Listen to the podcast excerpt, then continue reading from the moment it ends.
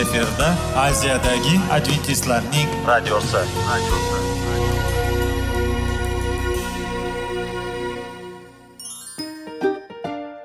assalomu alaykum aziz radio tinglovchilar.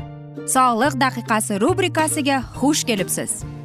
Zero tananing sog'lom bo'lishi va uning kasalliklardan saqlash har bir insonning burchi hisoblanadi.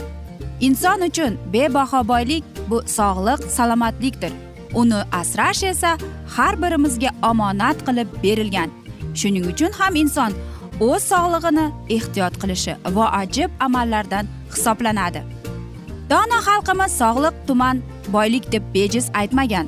Aql idroq sohibi bo'lgan inson o'z hayotini qadrlashi lozim bo'ladi. Hozirgi kunda qanchalik dori darmonlar ko'paymasin tibbiy muassa sifati shifokorlar vasiyasi tibbiy texnika yaxshilanmasin.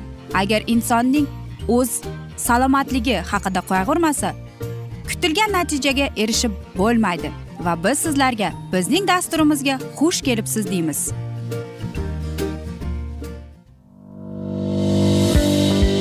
Sog'liq daqiqasi soliqning kaliti qiziqarli ma'lumotlar faktlar. Har kuni siz uchun foydali maslahatlar. Sog'liq daqiqasi rubrikasi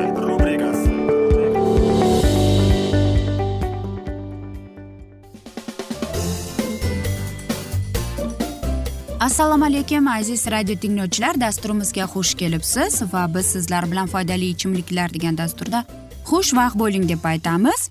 Va bugungi bizning dasturimizning mavzusi qovun.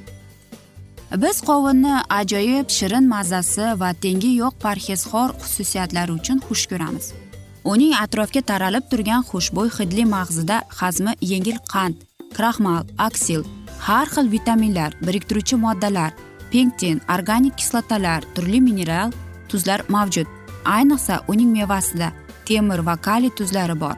Shuning uchun ham qovun mevasini kam qonlikda yurak qon tomir kasalliklarini davolashda jirak va buyraklar kasalliklarini shuningdek podagra va revmatizmni davolashda foydalanadi.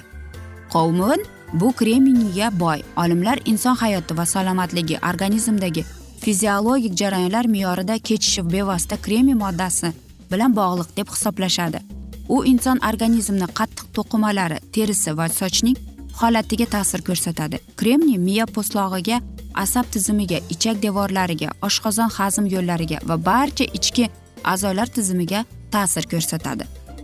Qovunda boshqa polis mahsulotlaridan farqli o'laroq c vitamini ko'proq undagi biriktiruvchi to'qima moddasi ichaklar mikroflorasiga ijobiy ta'sir ko'rsatib organizmdan xolesterin moddasini chiqarib yuborishga sabab bo'ladi. Ovqat hazm qilishni yaxshilaydi. Qovun yoshartiruvchi effektga ega. Sharqda qovun sochni baquvvat qilib yaltiratadi ko'zni o'tkir qiladi lablarni tarang qilib insonga kuch beradi deyishadi. Qovunning qoqisi ham sevib tanovul qilinadi. Bu delikates hisoblanadi. Odatda qovunni yangi uzib olingani tanovul qilinadi. Bundan tashqari undan murabbo jem marmelad pavidla kompot va turli shirinliklar tayyorlanadi.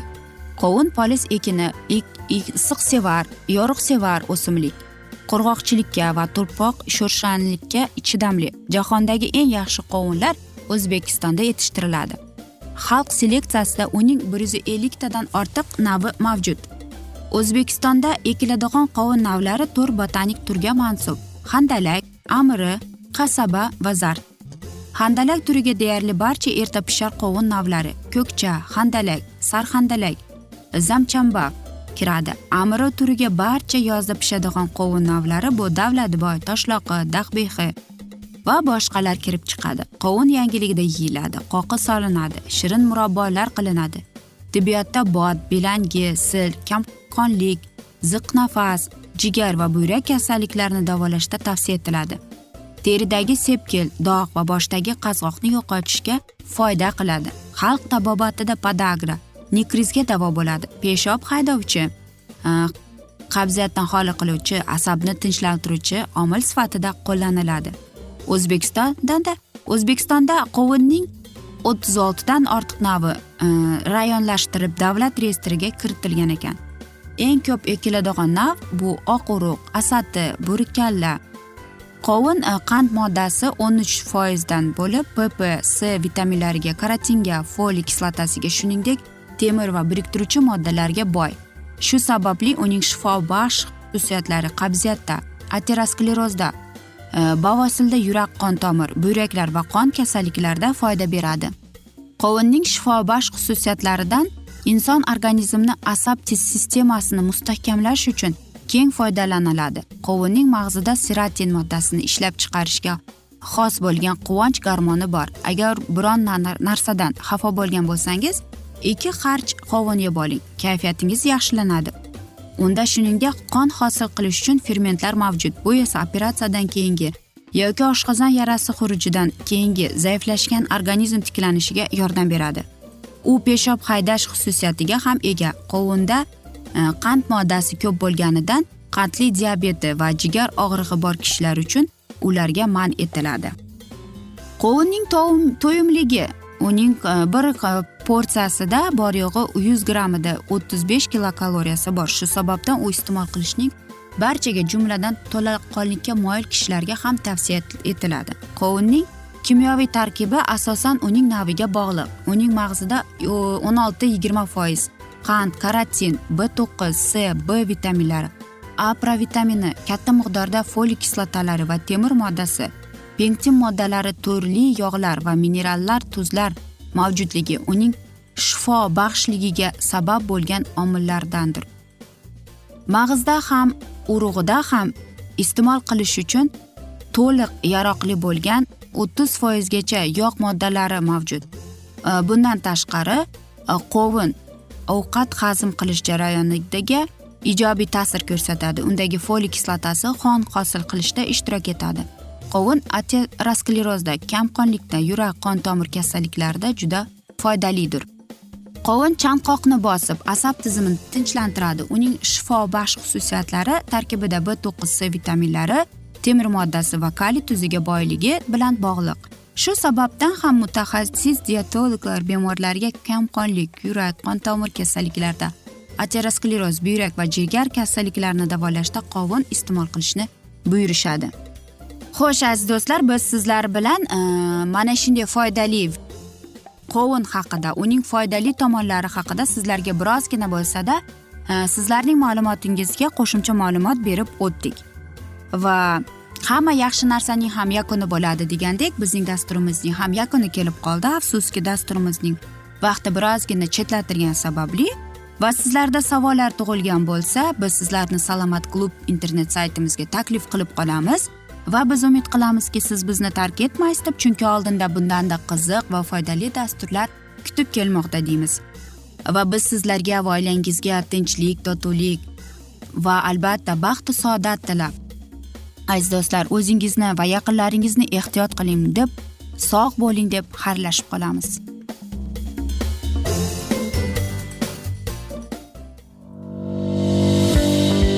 Sog'liq daqiqasi soliqning kaliti qiziqarli ma'lumotlar faktlar. Har kuni siz uchun foydali maslahatlar. Sog'liq daqiqasi rubrikasi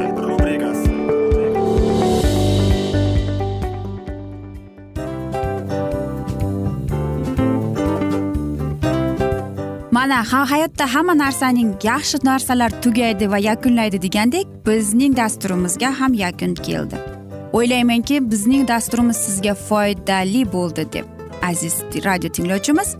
Va siz o'zingiz uchun kerakli xulosalar kerakli maslahatlar olib oldingiz. Aziz radio tinglovchimiz biz bilan qoling va keyingi dasturlarimiz albatta undanda qiziqroq bo'ladi. Mana shu alfozda sizlar bilan xayrlashib qolaman.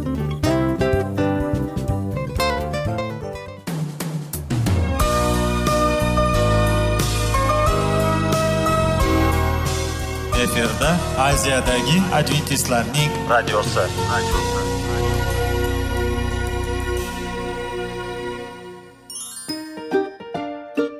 Assalomu alaykum aziz radio tinglovchilarimiz.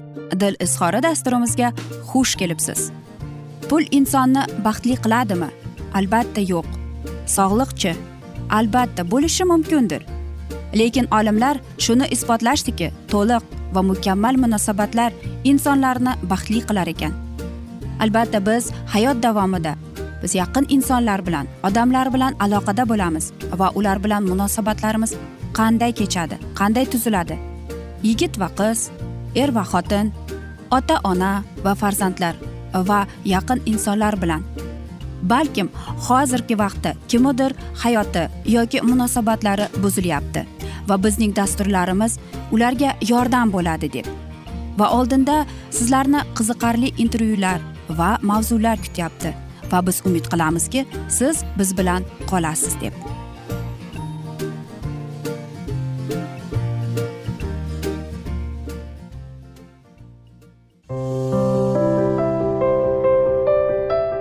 Har kuni har xil kasbdagi odamlar bilan sirlashish va bo'lishish sevgi rashq munosabat. Bularni hammasi dil izhori rubrikasida.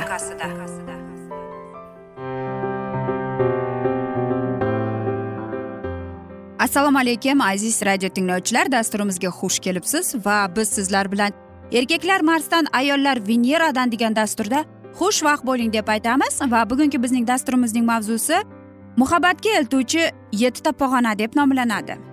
E, birinchi pog'ona bu oshiqliq. Inson yuragi e, gupillab uradi. Sevgilisini ko'rganda dunyoni unutadi. Yurak otash bo'lib yonadi. Ha siz sevib qoldingiz. Bu eng yorqin ehtirosli va tuyg'ular tug'on urgan bosqich. Oshiqlar bir birlariga doim talpinadi. Nuqul birga bo'lgilari keladi. Bir zum aylanishib istamaydilar. Nima qilmoq kerak? Yoringiz bilan ko'proq umumiy nuqtalarni topishga urining. Faqat tashqi ko'rinishi xatti harakatlarini muvofiq kamlik qiladi. Sizlaringiz qiziqishlaringiz hayotga qarashingiz qadriyatlaringiz xullas ko'p narsangiz mushtarak bo'lishi kerak. Umumiy qiziqishlar va maqsadlar bir biringizga qattiqroq bog'lanishga yordam beradi. Bu albatta yorim bilan bir joyda ishlab bir ishni qilishim kerak degani emas. Uning ishlari tashabbuslari tushuning va qo'llab quvvatlang erkak kishi suyanadigan ayoli bo'lsa tog'larni talqon qilishga qodir bo'ladi. Ikkinchi pog'ona bu ikkilanish. Hamon bir biringizga talpinib turibsiz ammo endi aql ko'zingizni ochilgan. Yoringizdagi kamchiliklar yaqqolroq ko'zga tashlanib boryapti. Ular sizning g'ashingizga e, tegishli bo'lishi mumkin. Albatta bu bilan sizlar endi ayrilib ketasizlar deb bo'lmaydi. Ammo yoringizni shu kamchiliklari bilan qabul qila olasizmi? Ana shu savol ustida bosh qotirgan paytingiz keldi. Nima qilmoq kerak? Agar undan ayrilishni istamasangiz avvalgidek munosabatlarni davom ettiring. Uni birdaniga o'zgartirishga urinmang.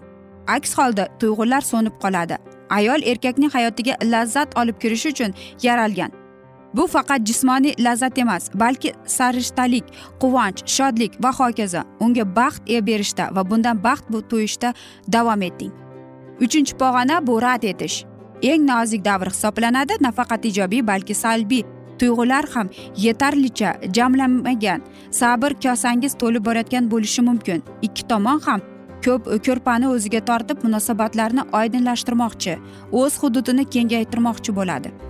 Yorni o'ziga qulay qilib tarbiyalash istagida yonyapti. Shoshilmadikmikin degan savollar tug'ilyapti. Umr yo'ldosh tanlashda adashdimikin degan savollar keldi. Afsuski ko'pchilik sevishganlar uchun shu pog'ona oxirgisi bo'ladi. Birovga moslashish o'zni o'zgartirishdan ko'ra munosabatlarga chek qo'yish ma'quldek tuyuladi. Sevishganlar ajrashib ketishadi lekin keyingi safar yangi munosabatlar boshlanganida yana shu xatoni takrorlashadi. Nima qilmoq kerak? Tin olmoq kerak. To'rtinchi pog'ona bu sabr hisoblanadi. Bu darajaga yetib kelgan sevishganlar bir birlarining kamchiliklariga nisbatan sabrliroq bo'ladilar bir birlarining fazilatu qusurlarini boricha qabul qilishadi. Nima qilmoq kerak? Ikir chiqirlarga o'ralashib maishiy muammolar tuyg'ularni yeb qo'yishga yo'l bermang. Unutmang munosabatlardagi romantika uchun ayol kishi javobgar. Beshinchi pog'ona bu xizmat qilish. Bu juda yuqori bosqich hamma ham yetib kelavermaydi. Bu darajaga yetgan juftlik o'z munosabatlarini uzluqsiz davom etuvchi zavqli ijod jarayoniga aylantira oladilar. Ular nafaqat kerakli yoki talab qiladigan narsalarni qiladilar balki shunchaki yorlariga baxt shodlik ulashish uchun beminnat ishlarni ham amalga oshiradilar. Evaziga esa hech narsa talab ham qilishmaydi. Nima qilmoq kerak? Yoringizga o'zini ko'rsatish ichidagi ixtiro ixtironi yuzaga chiqarish imkonini bering. Bir biringizning qiziqishlaringiz istaklaringiz hurmat qiling. Birovingiz biror ish qilmoqchi bo'lsangiz ikkinchingizga yordam va qulashga tayyor bering deymiz. Oltinchi pog'ona bu hurmat er xotin o'rtasida butkul uyg'unlik hukmron. Ular deyarli urushishmaydi bir birlarining o'tkir qirralarini yaxshi bilishadi va ularni aylanib o'tishni eplashadi. Har ikki tomon ham bir biriga yordam berish birgalikdagi hayotlarga baxt olib kirishga intiladilar. Kimdir yon bersa ikkinchi tomon buni qurbonlikdek qabul qilib siqilmaydi hijolat bo'lmaydi aksincha quvonch bilan qabul qiladi. Bunday juftlik haqiqiy muhabbat ostonasida turibdi. Endi munosabatlarni mustahkamlash yo'lida nimadir qilishlariga hojat ham yo'q. Yo'ldosh yerlar o'zi ularni mangu sevgi tomon olib boradi. Nima qilmoq kerak? Yordam berish va qo'llab quvvatlashda davom eting. Yoringizni yomon xabarlardan salbiy munosabatlardan himoyalash choralarini izlang. Va albatta yettinchi pog'ona bu muhabbat. Bu darajaga yetib kelgan juftliklar juda kam. Bunday insonlar o'rtasidagi ruhiy bog'liqlik shu qadar kuchliki ular yagona bir insondek bo'lib ketishgan. Er xotin bir birlarining oynadagi aksi ekanini yaxshi bilishadi. Bunday oilalarda muhabbat lotereyaga yutib olingandek baxtli tasodif emasligini o'zi uchun uzoq va mashaqqatli yo'l bosish va mehnat qilish kerakligini anglashgan bu darajaga yetib kelish qiyin. Ammo uddalasa bo'ladi. Nima qilmoq kerak degan savol bor. Sevishda davom eting.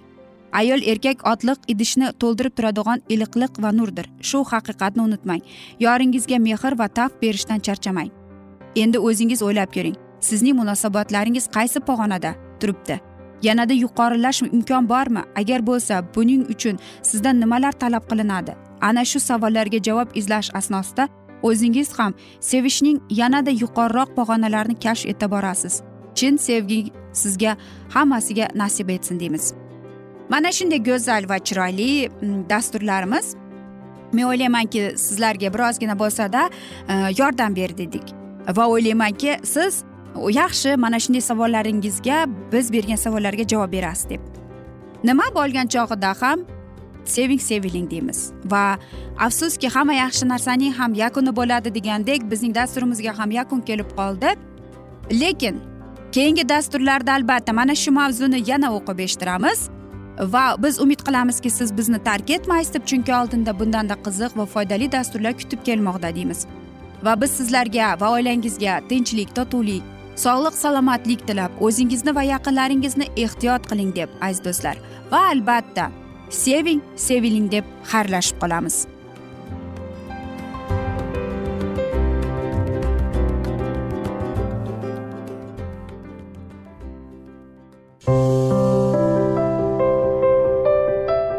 Har kuni har xil kasbdagi odamlar bilan sirlashish va bo'lishish sevgi rashq munosabat. Bularni hammasi dil izhori rubrikasida. Mana aziz radio tinglovchimiz bizning go'zal va foydali va chiroyli dasturimiz yakunlanib bormoqda. Sizlarga birozgina maslahat berib o'tmoqchi edik. Bir biringizni seving qadringizga yeting va erkalang albatta bir biringizni va sizga judayam chiroyli va mustahkam munosabatlar tilab qolamiz albatta. Sevgilingiz doimo yoningizda bo'lsin. Mana shu borada sizlar bilan xayrlashib qolamiz. Xayr.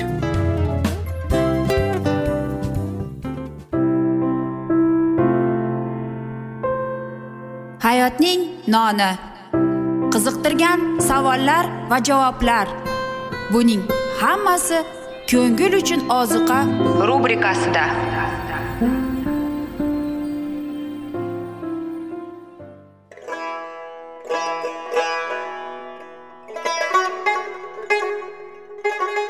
Assalomu alaykum aziz radio tinglovchilarimiz.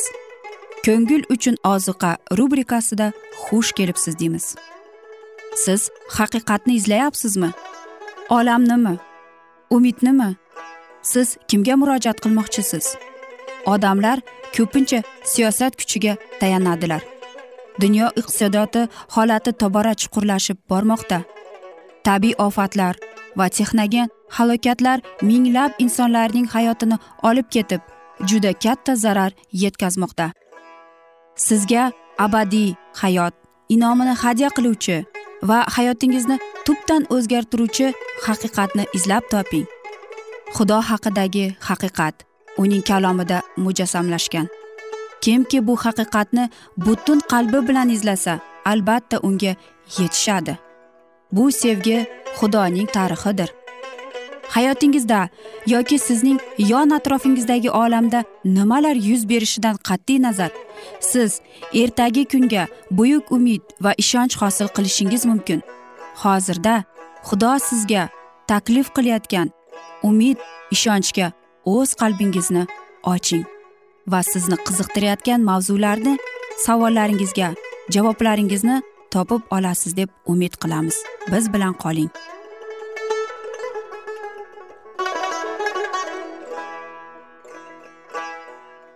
Assalomu alaykum aziz radio tinglovchilar. Dasturimizga xush kelibsiz va biz sizlar bilan ulug' kurash degan kitobni o'qib eshittirishni boshlagan edik va bugungi bizning dasturimizning mavzusi mukarrar to'qnashuv deb nomlanadi va biz sizlar bilan o'tgan galgi mavzuni bugun yana davom ettiramiz. Abadiy azob to'g'risidagi ta'limot shunga olib keladiki ko'pchilik muqaddas kitobga ishonmay qo'ydi.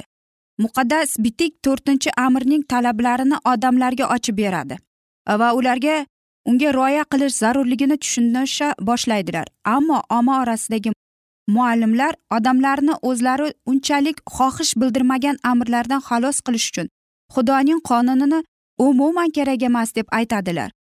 Shu yo'l bilan ular qonundan ham ham shanba kundan ham voz kechadilar.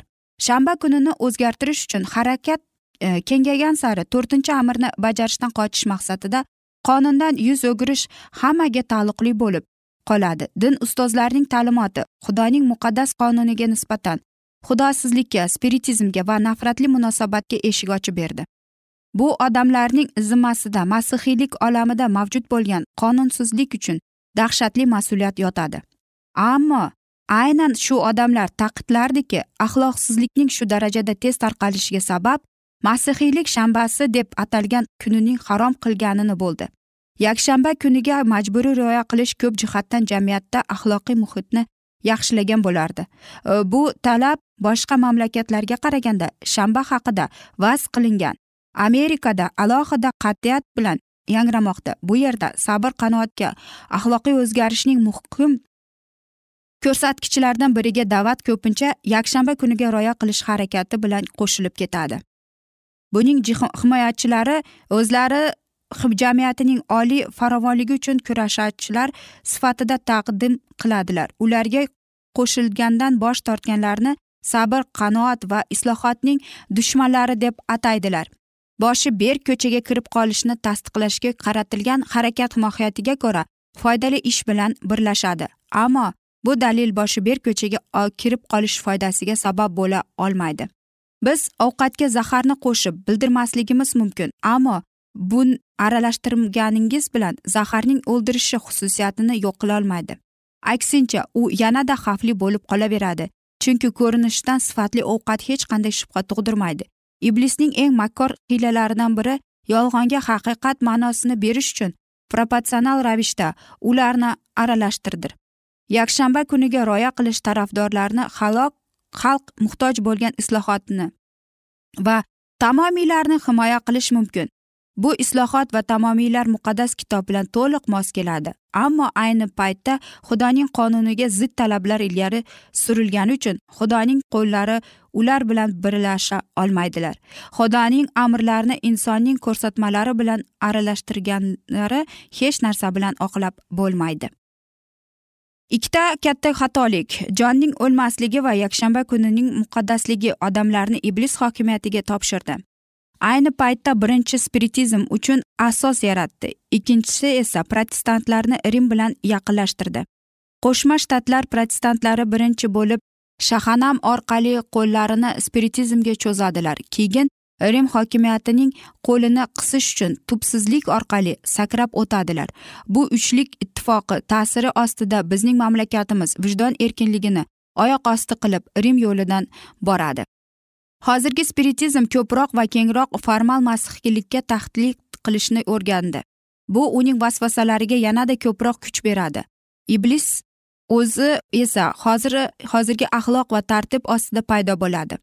U nur farishtasi qiyofasiga kiradi. Spiritizm vositasida mo'jizalar yuz beradi. Xastalar shifo topadi. Shuningdek ko'plab bahsga sabab bo'lmaydigan g'ayritabiiy hodisalar yuz beradi. Ruhlar muqaddas kitobga o'zlarining ishonch haqida aytadilar va jamoat institutlariga hurmat haqida qayta qayta gapiradi. Ularning ishi xudoning qudrati namoyon bo'lish sifatida qabul qilinadi. Masihning va xudosizlar deb ataladigan bo'lishni chegarasi arang ko'zga tashlandi. Jamoat a'zolari ham olam yaxshi ko'radigan narsalarni yoqtiradilar. Ular olam bilan birlashishga doim tayyorladi ularni bitta qilishni iblis hal qiladi. Bu bilan bu ish o'z mustahkamlaydi va hammani spiritizmga jalb qiladi. Mo'jizalarga haqiqiy jamoatning alomati deb tayanadigan katoliklar bu mo'jizanoma kuch bilan boshi berk ko'chaga kirib qoladi. Protestantlar haqiqat qalqonini tashlab aldanib qoladilar. Katoliklar protestantlar dunyoviy odamlar hammasi solihlar qiyofasiga kiradilar va uning qudratidan tonadilar. Ayni paytda ular bu ittifoqqa buyuk harakat sifatida qaraydilar. Bu harakat butun odam olamning yuz burishiga va uni anchadan beri kutilayotgan ming yillik shohlikka olib kirishga xizmat qilishi kerak. Spiritizm vositasida iblis o'zini insoniyat urug'iga muruvvat ko'rsatuvchi deb taqdim qiladi. Odamlarni xastaliklardan xalos qilib go'yo olamga dinning yangi yanada yuqoriroq tizimni taklif qiladi. Ayni zamonda u vayronagarchilik keltiruvchi sifatida faoliyat ko'rsatadi. Uning vasvasalari minglab odamlarni halokatga olib boradi. Bandnafslik odamlarni sog'lom idroqdan mahrum qiladi va axloqsizlikni xunrezlikni va boshqa illatlarni keltirib chiqaradi. Iblis jangdan alohida lazzat topadi chunki u inson ruhida eng qabih hirsni jumbushga keltiradi. Keyin esa illatlar bilan bulg'angan va qonga botgan qurbonliklarni abadiylikka olib ketadi. Aziz do'stlar mana shunday asnoda biz bugungi dasturimizni afsuski yakunlaymiz chunki dasturimizga vaqt birozgina chetlatilgani sababli. Lekin keyingi dasturlarda albatta mana shu mavzuni yana o'qib eshittiramiz. Va sizlarda savollar tug'ilgan bo'lsa biz sizlarni adventis tochka ru internet saytimizga taklif qilib qolamiz. Va biz umid qilamizki siz bizni tark etmaysiz deb chunki oldinda bundanda qiziq va foydali dasturlar sizni kutib kelmoqda. Va albatta biz sizlarga va yaqinlaringizga sog'lik salomatlik tilab o'zingizni va yaqinlaringizni ehtiyot qiling deb xayrlashib qolamiz. Xayr.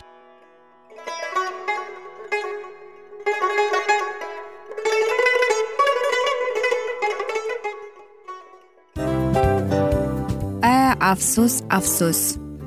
Hamma yaxshi narsaning ham yakuni bo'ladi degandek bizning foydali va qiziqarli dasturlarimiz ham yakunlanib qoldi.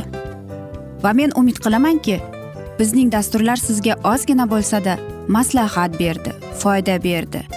Va sog'liq borasida ayniqsa sizlarga foydali bo'ldi deb. Va siz bizning maslahatlarga amal qilasiz deb. Albatta keyingi dasturlarda undanda qiziqroq undanda foydaliroq ma'lumot berishga harakat qilamiz.